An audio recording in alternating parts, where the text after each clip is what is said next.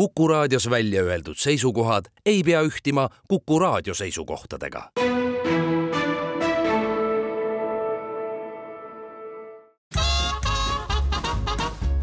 jäljed gloobusel tervist, kallid raadiokuulajad. hästi entusiastlikult üritan teid siin praegu tervitada, sest käes on detsembrikuu ja ei ole detsembris kaks tuhat kakskümmend kolm veel ühtegi Jäljak gloobusel saadet olnud ja see saab nüüd murtud, sest Väino Laisaar ja Andres Karu istuvad taas kord Kuku raadio mikrofonide taga ja on taas ette võtmas ühte uut riiki suur tere ka minu poolt ja täna räägime sellisest põnevast riigist, mida esmapilgul kõige sellega kohe ei seostakski. no näiteks on see, et tegemist oli suure koloniseeriva riigiga, kes siis ampsas enda kätte meeletus koguses maailma territooriumist ja mm, -hmm. ja, ja sellel hetkel, kui see impeerium ühe korra suure pauguga lõhki läks, sellel territooriumil asub siis tänapäeval viiskümmend kolm iseseisvat riiki. on ju? see on ohoh, see on ju iga neljas. no vot, on ju, meeletu kogus ja, ja siis äh, maakerale on ta jätnud loomulikult väga sügavat kultuurilist ja arhitektuurilist mõju. Ja, ja selle pärandiks on siis loomulikult see, et tänapäevases maailmas räägib selle riigi keelt kakssada viiskümmend miljonit inimest. Hmm.. see on iseenesest väga põnev fakt juba kasvõi selle tõttu, et riigi suurus on üheksakümmend kaks tuhat kakssada viiskümmend või üheksakümmend kaks tuhat kakssada kakskümmend viis ruutkilomeetrit, mis siis on umbes kaks korda suurem kui Eesti. ja, ka... ja kui me võtame nüüd selle Eesti kahekordse Eesti suurusega riigi, siis äh, ta on äh, kuuendal kohal riikide nimistust, kes kui palju riik, keeli räägivad maailmas kuuendal kohal. väga keeruline lause tuli, aga. ei, ma isegi suutsin jälgida, ma ei tea, kuidas kuulajad, aga noh, osad suutsid, osad ei suutnud, aga igatahes kuuendaks siis kuues, räägitavuselt kuues keel maailmas põhimõtteliselt siis on just. nagu see. nojah, ega me siin, mis me saame veel öelda, neil on äh, palju äh, neile kuuluvaid saari. Äh, neil on mägine riik loomulikult, mis mulle väga meeldib ja neil on nii mere kui maismaapiiri päris mõnusasti ja nad asuvad ookeani ääres ja no mis me ikka keerutame. see on äh, Euroopa mandriosa kõige läänepoolsem riik nimega Portugal. eks ole. Ja. ja kui siin juba suurusest sai räägitud, siis kordame igaks juhuks üle, üheksakümmend kaks tuhat kakssada kakskümmend viis ruutkilomeetrit, mis mm -hmm. on mhm. siis äh, umbes kaks korda suurem kui Eesti ja seal elab äh, kümme koma kolm miljonit inimest jah, teeme siis peast enam-vähem mingi arvutuse, suurusjärk on siis see, et ütleme, et eh, igal ruutkilomeetril elab eh, neli korda rohkem inimesi, kui Eestis elab ühel ruutkilomeetril. aga jah, et kui, kui mõelda nüüd see, et eh, mis kohti nad kunagi on enda võimu all hoidnud, siis neid on tegelikult ju seal Aasia pool on, on Lõuna-Ameerikas, oh jumal, igal pool, võib-olla kõige suurem ja kõige tuntum on ju, mis kohe-kohe ette tuleb, on see, et kui, kui terves ülejäänud Lõuna-Ameerikas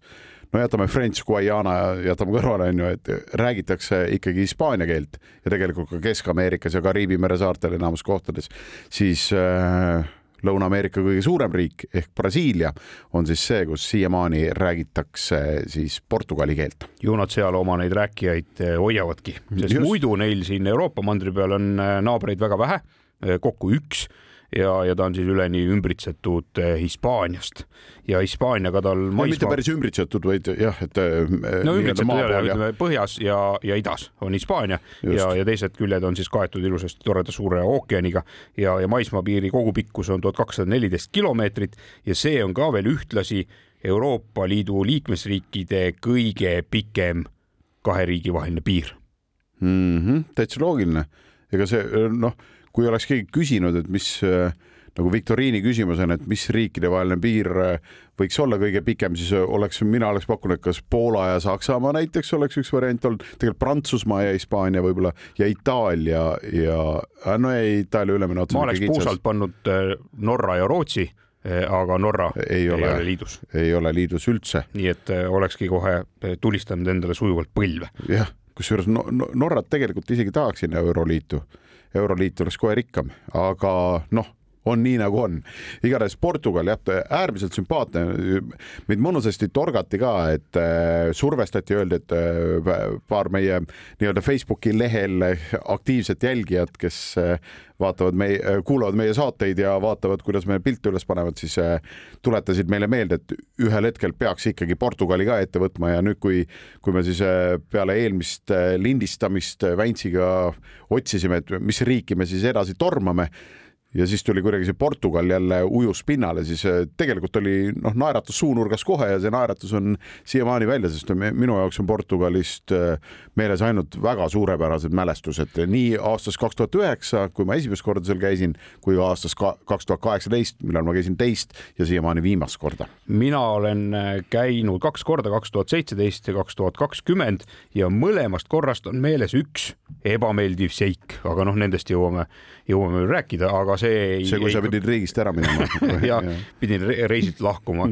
ei jäänud reisi kordama mm. -hmm. aga, aga eh, ühesõnaga, see ei tohiks mitte mingisugust eh, varju heita sellele riigile üleüldse, et Aha. tegemist tõepoolest täiesti fantastilise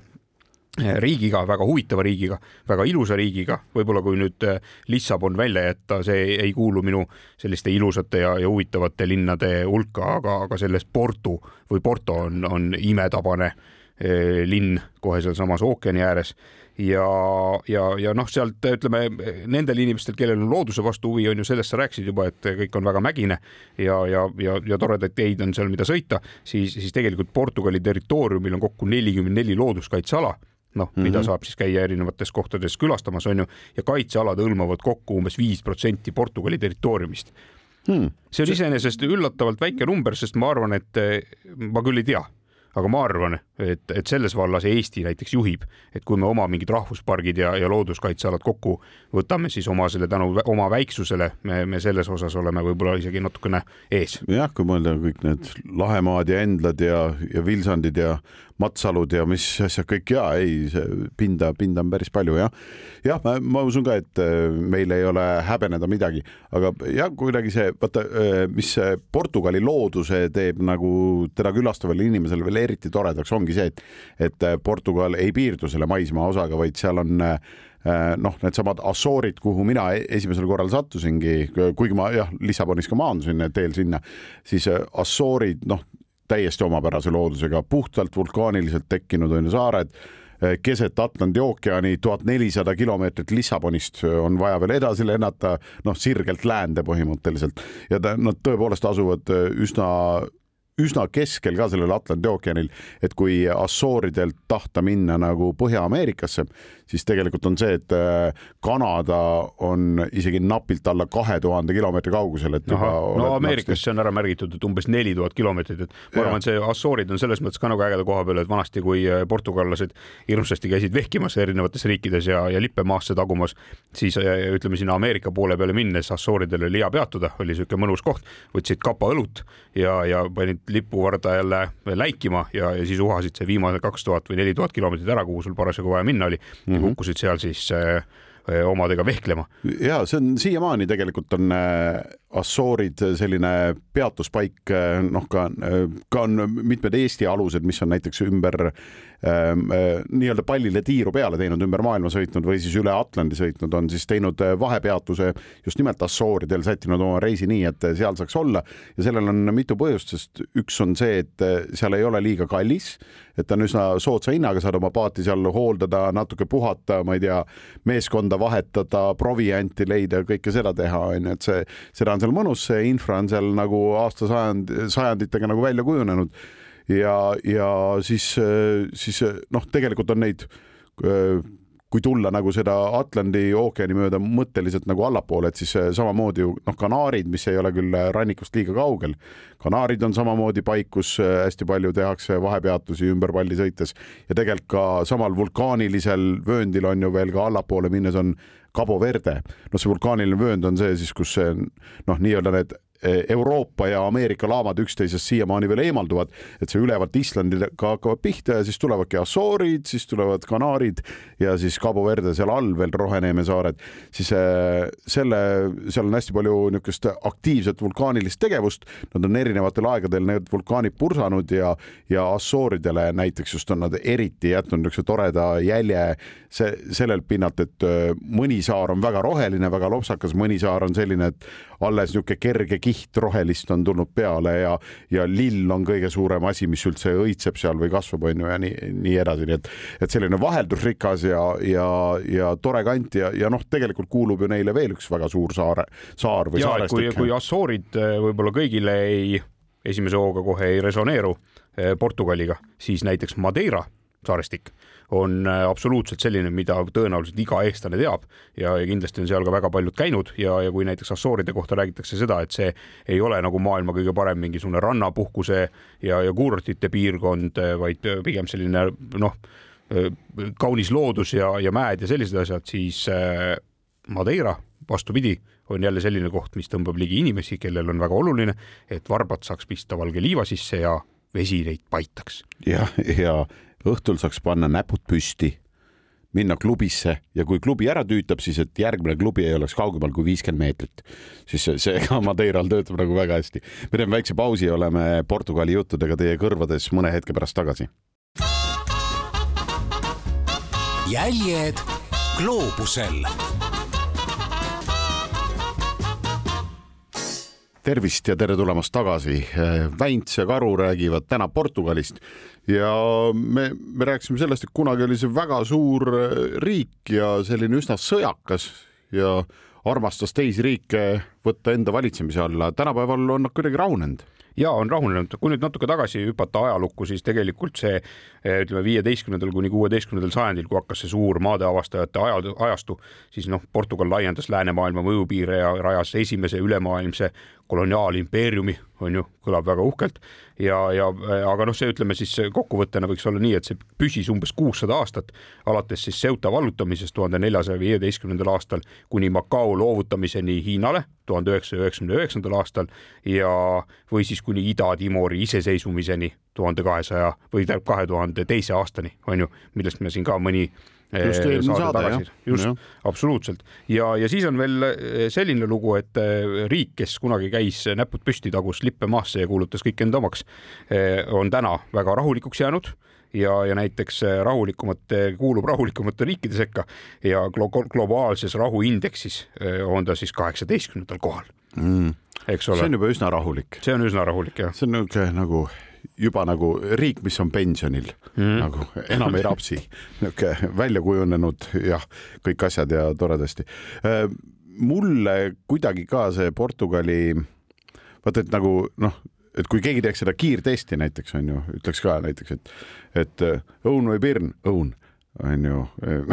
on ju, ma, ei tea, Guns N Roses või, või Poison või noh, vabandust, mingi Sex Pistols on ju, Sex Pistols, et samamoodi keegi ütleks eh, Portugal või Hispaania, siis ma ütleks Portugal. Et kuidagi, kuidagi see on nagu see selline kuvand mulle ne, nende oma kuidagi väga meeldib ja see kinnistuski aastal kaks tuhat üheksa, kui ma esimest korda sinna läksin ja, ja selge siht oli silme ees, et kui ma kunagi äh, umbes kahe tuhande neljandal aastal ma vist tõsiselt mõtlesin äh, välja, noh, üheksateist aastat tagasi siis mõtlesin välja selle, et jah ma tahan ikkagi olla esimene eestlane, kes käib ära iga Euroopa riigi kõrgemas tipus, siis, siis ma tegin ka algse nimekirja ja esiteks oli see muidugi minu jaoks üllatus, et üldse noh, geograafiatunnis ma vist kogu aeg ka kohal ei olnud või kogu aeg üleval ei olnud, igatahes see, et mingid Assoori saared on kuskil, oli mulle veidikene üllatus, ma ei olnud seda nagu äh, enda jaoks kuidagi fikseerinud. Ja siis vaatasin, et ahah, tõepoolest niisugune nelisada meetrit kõrgem on see tipp seal kaks tuhat kolmsada viiskümmend üks meetrit kõrge. Äh, Piko saarel asub ja Pico või Pico Alto ta nimi ongi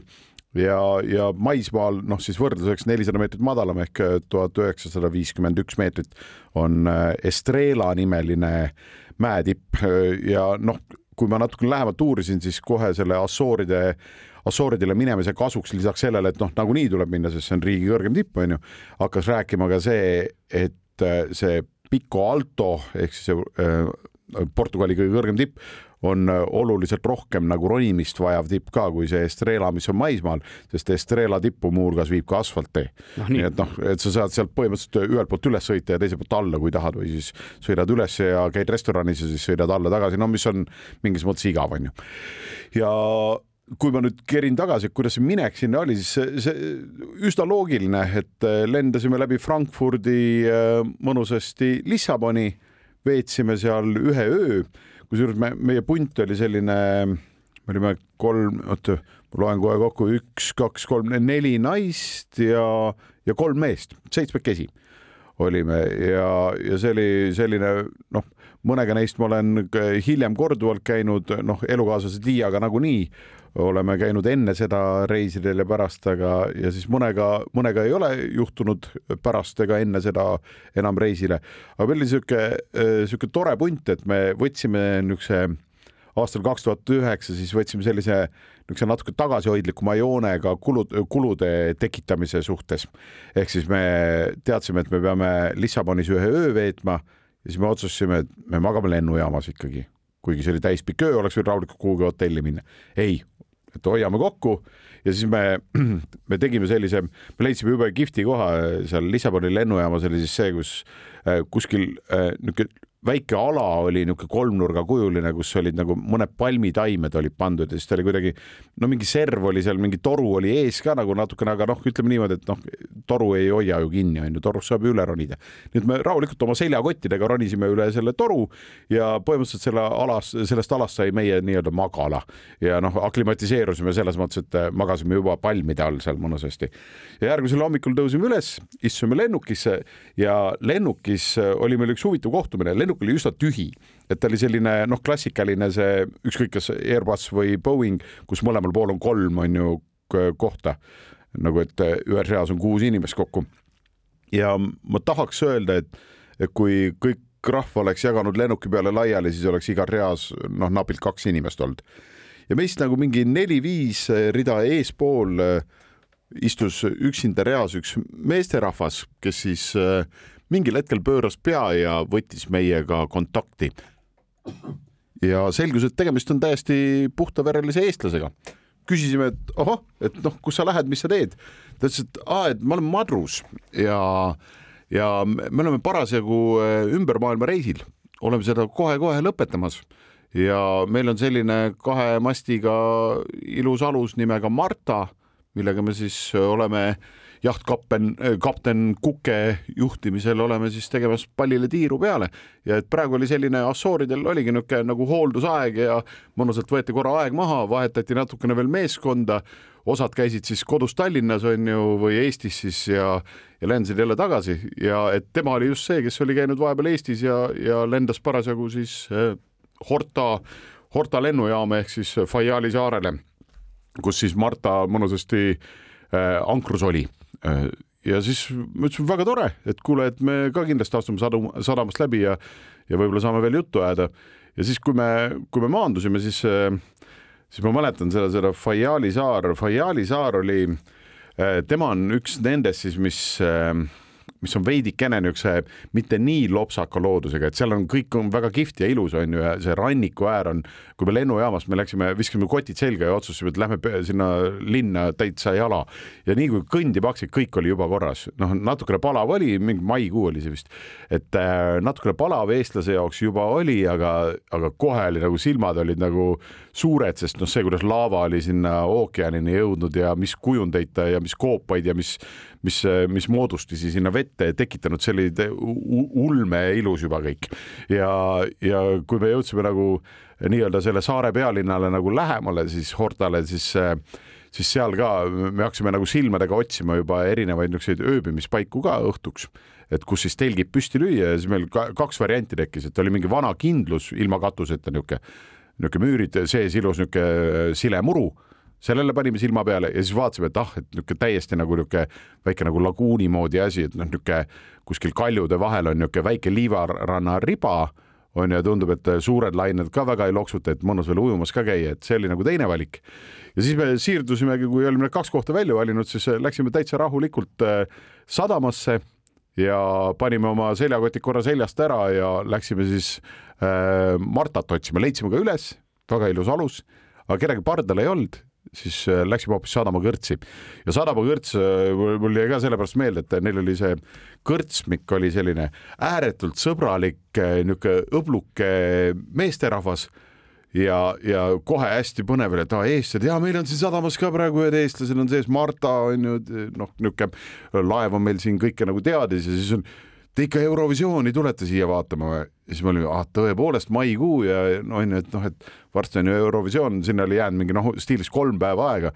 ja siis me ütlesime, et kui me vähegi saame ja kui me siin naabersaarel jõuame selle tipu ära teha, siis me kindlasti tuleme. ta ütles, tulge muidugi, et väga teretulnud olete, et, et mul küll, ma, ma pakun küll ainult juua, onju, et ma süüa ei paku, aga noh, et te matke, et te võite isegi mul ukse taga siin võite süüa teha, kui tahate ja tulla söökidega sisse, et, et ärge üldse põdege. et niisugune mõnus nagu algus oli ja, ja, ja, ja siis me, me valisime nendest ööbimiskohtadest äh, valisime siis selle ranna oma, sest mõtlesime, et äkki ikkagi seal nagu vanas kindluses on, et noh, ikka kultuuriväärtus mingi, et noh, et et võib tulla ütlemist kellegiga, aga rannas.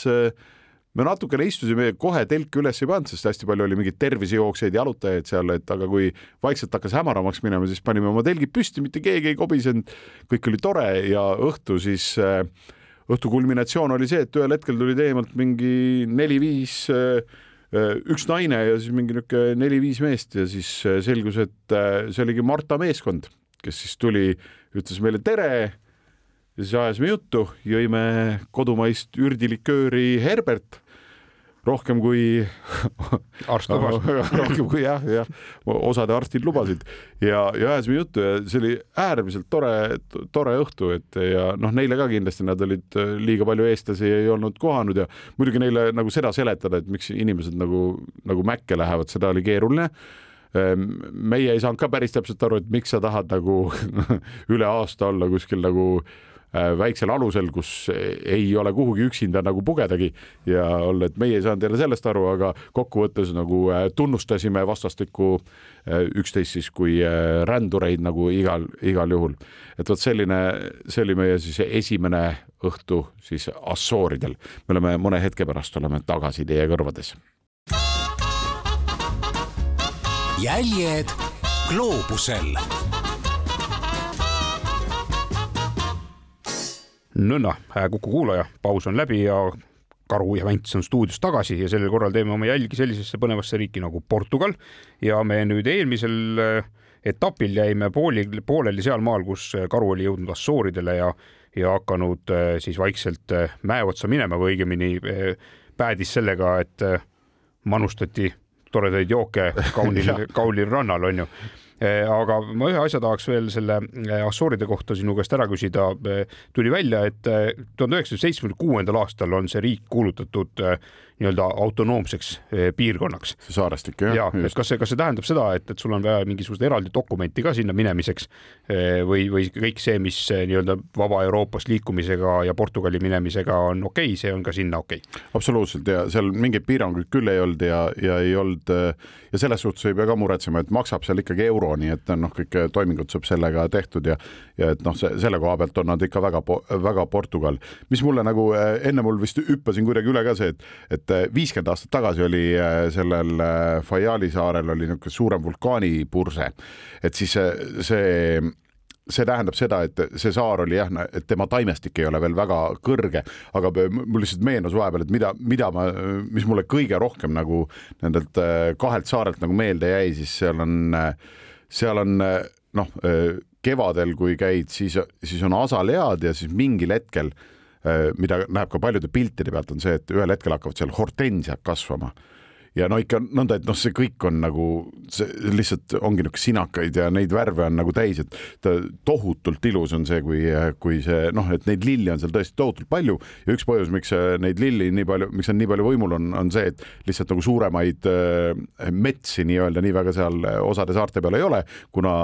pärast vulkaanipurset ei ole jõudnud neid veel nagu nii ilusasti tekkida. ja üks asi, mis, kui te, kui te tahate mingit äh, ekstreemset videot eh, maandumistest vaadata, siis ma ei mäleta, milline lennujaam see täpselt oli, aga pange Assooridel eh, ekstreemmaandumine, siis ma ei mäleta, ühe saare peal neil on nagu suht lühikese niisuguse maandumisrajaga ja ühtlasi siis õhku tõusmisrajaga lennuväli, nii et meie rumalad vaatasime siis enne Assooridele lendamist, vaatasime ilusasti siis neid videoid ka, kuidas seal maanduda. Ja noh, ütleme, et kui me lennukit nägime, et see lennuk on nii suur siis mõtlesime, et panime mõttes ta kokku selle nagu lennuväljaga, kuhu ta nüüd maanduma peab seal Assooridel, siis tundus, et noh, see ei ole võimalik, et meil on raudne seinasõit, onju. aga selgus, et tegemist oli õnneks mõne teise saarega, et mitte see, mitte selle Fayali saarega mm. -hmm. olgu siia vahele öeldud, et nii mõnigi on Assoorides näinud ka kadunud Atlantist jaa, ja, ka, ka nii ja ilus ja, ja üks asi, et looduse jah, niisuguse veel üks asi, mis meelde tuleb, et need, kellele nagu väga loomad meeldivad, et siis noh te,, teie peate pettuma, sest ega seal peale küülikute ja rottide väga ei ole nagu loomi. mingit, et näed kuskil nagu kedagi väga kappamas ei, või sõralist mõnda kuskil liikumas, et eh, pigem ei näe, et põhiliselt ikkagi küülikud ja rotid ainult. aga meie punt siis, noh, meie eesmärk oli tõusta siis eh, eh, siis Piko saarel siis Pico Alto otsa, et Portugali kõrgemas ära käia. ja on vist kaks tuhat kolmsada viiskümmend üks meetrit või? just, just. ei ole, ei ole, ajan sassi. kaks tuhat kolmsada viiskümmend üks just nimelt. ja meid oli siis äh, seitse, nagu ma ütlesin, et äh, lisaks minule siis oli minu elukaaslane Tiia, siis oli tema sõbranna Mari-Liis oma tolleaegse elukaaslase Rihoga ja siis oli veel üks tore paar oli veel Kristel ja Rene ja, ja siis oli veel mulle kunagi vanast heast Saaremaa ajast äh, hea, hea sõbranna Evelin oli pundis. Äh, seitsmekesi läksime ja esimene asi oli meil siis väga lihtne, me mõnusalt peale seda ööd rannas käisime hommikul ujumas, kes käis, kes ei käinud, onju. otsisime gaasi, et saaks ikka ilusasti priimusel nagu toitu teha. leidsime, kõik, kõik läks hästi ja ühel hetkel istusime praami peale ja lihtsalt praamiga tahtsime sõita siis saarelt saarele, et jõuda siis noh, Piko saarele. Ja sellest praamisõidust ma mäletan seda, et seal mingi noh, eks nad kõik tunnevad seal üksteist, eriti kõik meremehed, kes seal saarte vahel saalivad ja eriti praamivendid teavad kõik, siis mingil hetkel tuli mingi väike kaubalaev, kes oli ka sinna Piko saare poole teel. Ja siis äh, nad hakkasid omavahel nagu võidu kihutama, kaks väikest alust suhteliselt ja siis, aga see läks ikkagi nõnda, et meie jaoks oli laine oli ikkagi nagu päris kõrge, see kõik tundus niisugune natuke ebastabiilne. aga need sõitsid parras pardas nõnda noh, niisugune, et vahel oli mingi kaks meetrit vahepeal. nüüd niisugune tunne oli, et mis meil on, et ma ei tea, noh, tõenäoliselt nad eirasid vägagi mingeid meresõidureegleid. aga samas oli nagu lõbus ka mm, -hmm. et nagu kaks paati männid ja meie võitsime või meie praam oli natukene kiirem lõpuks kui see kaubalaev ja siis jõudsime Piko saarele mõnusalt vaatasime seal, et eh, noh, mis siin ikka passida, et, eh, et hakkame, hakkame kohe-kohe nagu minema ja, ja täpselt nii me tegimegi, et öö, eh, ostsime, käisime supermarketist läbi, ostsime natukene süüa, värki kaasa, natukene ka vett, tõepoolest natukene, sest hiljem selgus, et oleks pidanud rohkem ostma. Ja, ja tegelikult, kuna see kõrgus ikkagi kaks tuhat kolmsada viiskümmend üks meetrit tuleb võtta äh, ju noh, põhimõtteliselt merepinnast alates, ei ole nõnda, et juba org on tuhande viiesaja peale, siis on ainult kaheksasada meetrit tõusta, onju. ei, sa pead nullist nii-öelda minema hakkama, siis me, me kuidagi olime varem välja mõelnud, et eh, me tahame ikka täitsa ise sinna üles minna. Et hakkamegi ookeani pinnalt minema ja täpselt seda me tegime ja teadsime, et ühe päevaga sel juhul ei jõua, et seda on liiga palju, meil on suured seljakotid, telgid, värgid kõik kaasas, siis võtsimegi täitsa rahulikult, et samal päeval hakkasime minema. Ja sihiks seadsime siis jõudmise sinna kohta, kus nii-öelda maanteed otsa saavad ja kus tuleb täiesti mööda vulkaanilist kruusa tõusma hakata. ja varsti avastasime, et äh, asustus, nii kui rannikust eemale lähed, üldiselt kaob ära. seal ühel hetkel nõnda, sa liigud nagu noh, see, see saar on, Piko saar on nagu suht niisugune ümmargune, sest ta on vulkaanilise tekkega, keskel on suur vulkaan, on ju, püramiid ja lihtsalt mida mere, ookeanile siis lähemale, seda laugemaks nõlvad lähevad ja mida mäele lähemale, seda järsemaks läheb, onju siis hakkad sealt laugelt nagu minema, siis äh, hakkavad, mulle väga meeldisid nagu visuaalselt väga ilus kõik need hortensiad ja muud asjad on ju seal. aga lisaks on see, et seal on hästi palju vulkaanilist, vulkaanilisi kiviaedasid sest seal ikkagi kasvatatakse karja hästi palju sõidab niisuguseid noh, Toyota Hilux tüüpi masinaid, kus on nagu kast on ju ja selles kastis on veenõu, sest loomadele kõik see vesi tuleb sinna üles ära tassida, onju. ja, ja siis natukese aja pärast avastasime, et ja nad on väga leidlikud olnud ka, et mis see jooginõu siis võiks olla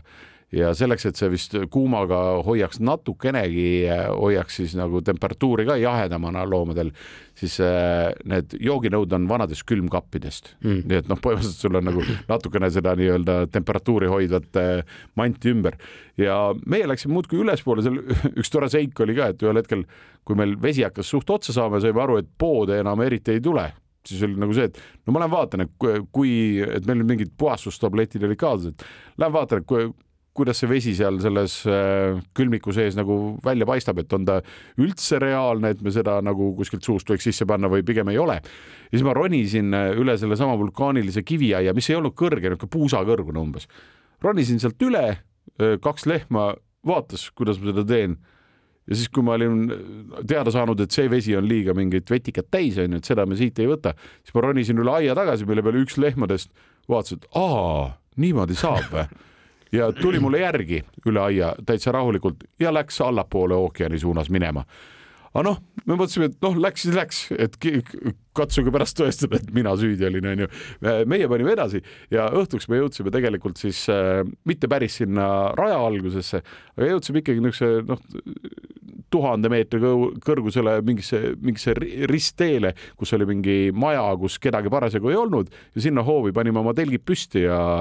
viibisime seal siis selle öö ja, ja Riho kuskilt lähedalt leidis ühe üsna puhta veega külmiku, nii et äh, päästis meid ka nii-öelda veemurest, et ei pidanud nagu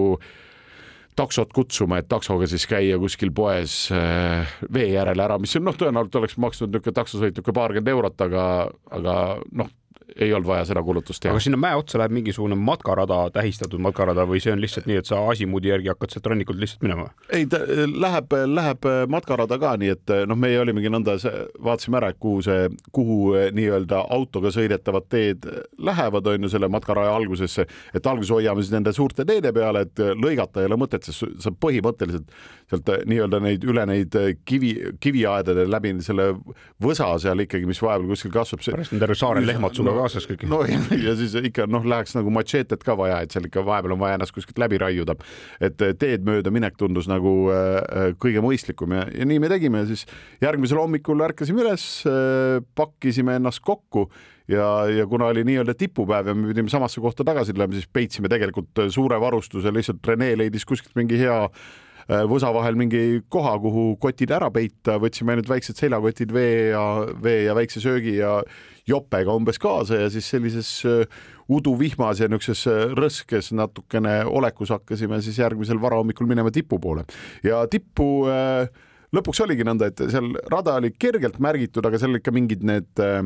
olid pandud nagu meil on nagu maanteede ääres need valged postid on ju, Helkur postid, et vot selliseid poste oli pandud, allpool olid äh, tõenäoliselt mingid äh, kukkuvad kivid ja ma ei tea, vandaalid olid need nagu ära murdnud, et nägid ainult seda kohta, kus kunagi oli olnud see valge post on ju. aga ülevalpool olid nad üsna hästi näha ja, ja siis oligi nagu äh, pimedas nad tõenäoliselt helgivad ka mõnusasti, nii et rada oli märgitud ja siis äh, niimoodi tuligi jalg jala ette minna, jagunesime kaheks, et äh, natukene kiiremad läksid eespool ja siis aeglasemad ja tugigrupp äh, tulid tagapool järele, aga vulk-, selle vulkaani siis kraatri servale, mitte kõrgemasse tippu küll, jõudsime siis mõnusasti niisuguse veerandtunnise vahega, et tegelikult, tegelikult ei olnud see tempode vahe väga suur. Ja siis see, mis seal ka, mis kraatri serval nägime, sellest siis mõne hetke pärast räägin teile edasi jäljed gloobusel. nõnna, hea kuulaja, järjekordne paus on läbi ja Karu ja Vänts on stuudios, räägime Portugalist. saade on Jäljed gloobusel ja hetk tagasi sai selgeks, et ühte saatesse me selle Portugaliga kuidagi ära ei mahu no,. Mina pole veel jõudnud midagi rääkima hakata ja, ja ei jõuagi eks ole, nii et panustame selle saate viimase eh, tsükli siis selle peale, kuidas eh, sa ikkagi seal selle tipu ära teed ja, ja, ja vaatame siis, kuhu me sealt edasi lähme, nii et Portugali jutud kindlasti jätkuvad järgmises saates. no mulle. aga ma küsin siia vahele nüüd selle tipu kohta ka, et tippe maailmas mitut sorti on ju, üks on selline suur teravik on ju, mille otsa ronid ja, ja seal on lipp ja ongi kogu lugu. et, et minu meelest nende vulkaaniliste mägede tippudega on veits keeruline on ju, et keskel selle koha peal, kus peaks see lipp ja, ja tipp olema, on suur auk ja, ja siis sa pead lihtsalt selle kõige kõrgema koha seal eh, vulkaani ääre peal, serva peal leidma mm. -hmm ja, ja, ja vahel on need väga teravad, noh näiteks eh, meie saadetes ka läbi käinud, et kui te tahate järgi kuulata, siis Armeenia kõrgem tipp Arakats näiteks on selline vägagi eh, sealt kõrgemast servast nagu väga terava servaga nagu vulkaani, vulkaanikraatri serv siis, aga kusjuures see on väga hea küsimus, sest Portugali kõrgem, kõrgem tipp, Pico Alto vulkaan on tõesti, muidu on täpselt samasugune nagu see klassikaline vulkaan sul silme ette tuleb,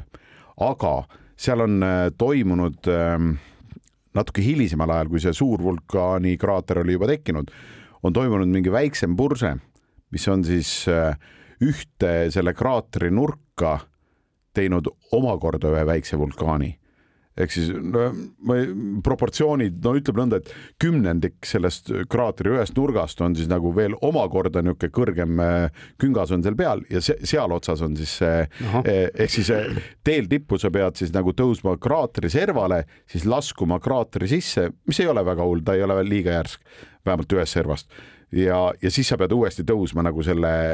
veidikene kõrgema künka otsa, mis ei ole niisugune klassikaline vulkaan, et seal enam kraatrit ei ole, aga ta on ikkagi ajanud seda vulkaanilist sodi sealt välja. mul muidugi tuli veel vahepeal meelde, et see sama hommik, kui me minema hakkasime sinna tipu poole, siis kui olin ujumas ära käinud, siis koos Kristeli ja Renega me siis läksime sadamasse ka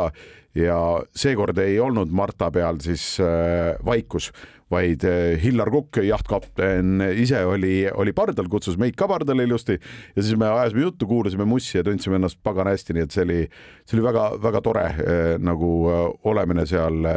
Rääkisime erinevatest maailma riikidest ja kõigest muust ja, ja miks ta üksi oli, oli sellepärast, et ülejäänud grupp oligi läinud päevasele reisile just nimelt sinna Piko saarele, kuhu meiegi teel olime. et läksin nagu sinna, võtsid auto ja siis sõitsid seda saart läbi ja kui me siis äh, esimesel tõusupäeval sinna ülespoole liikusime, siis mingil hetkel tuli ülevalt alla üks auto loomulikult oli see Marta meeskond, jälle saime juttu ajada, nemad said proovida, et me, mida üks mägironija kott eh, on ju sellise kahe poole tuhandese tipu puhul tähendab, kui raske see on. ja siis nad sõitsid allapoole edasi, sest nende arust ülespoole minek ei ole nii mõttekas. ja ah, neilt saime ka natukene vett, nii et eh, leevendasid meie seda, seda olukorda mõnusasti. aga tipupäeval siis jah, tõepoolest sealt, kus rada algas, seal, seal mõnusasti kõndisime sinna kraatriservale ära ja kraateri serval oli see, et äh, siis me, me päris seitsmekesi tippu ei läinud, sest, äh, sest äh, ütleme, Evelinil läks natukene raskeks, oli näha, et ja noh, kuna kogu laskumine oli veel ees ootamas, siis äh, paraku noh, tuli teha see valik, et ta ei saanud tippu kaasa tulla ja Mari-Liis ise ka ütles, et, et noh, niisugune piiri peal, et ei pruugi, ei pruugi jaksu olla nii ülesminekuks kui allatulekuks et äh, nemad jäid siis kraateri servale ootama ja meie ülejäänud siis viiekesi läksime, läksime edasi, tõusime, laskusime, noh, kõigepealt laskusime siis sinna kraatri põhja ja sealt siis tõusime veidi järsemat nõlva mööda selle viimase kõrgema nuki otsa. ja see oli selline juba seal ikka noh, tunda oli, et mingi vahepeal mingit sooja auru ikka viskas näk-, näkku ja natukene oli ka seda väävlilõhna, nii et äh, niisugune väike tegevus seal äh, all käib kogu aeg, aga tipp ise oli nagu selline, et me, me tegelikult enamus tõusust olime pilve sees, et mitte midagi suurt ümberringi ei näinud, aga kui me tippu jõudsime, siis pilved vajusid natukene allapoole ära, nii et tegelikult oli seal tohutult ilus, me olime päikse käes, paistsid ainult nagu eh, mõned üksikud tipud, mis olid nagu eh, Assooridel siis nendes pilvedes kõrgemad, need nagu paistsid, paar naabersaart fikseerisime nagu ära läbi selle. Ja hästi tore niisugune soe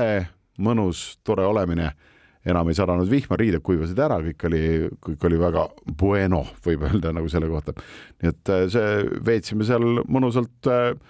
tõenäoliselt niisugune pool tunnikest, siis laskusime äh, tüdrukute juurde tagasi, nemad olid vahepeal meil näkileivad valmis teinud, sõime ära, aga teel alla oli ka tore juhus oli see, et ühel hetkel vaatasime, et tempod on väga erinevad, et noh, kellel hakkas põlv tundu andma, noh, see ongi, et ega see mägironimine on niisugune, et kui ikka korralik koormus ja äh, seljakott selga panna ja siis sa pead äh, nagu üles ja alla ikkagi käima, siis need, kes pole harjunud, siis tavaliselt ikkagi kuskilt äh, hakkab tunda andma, et ta ei ole niisama nagu.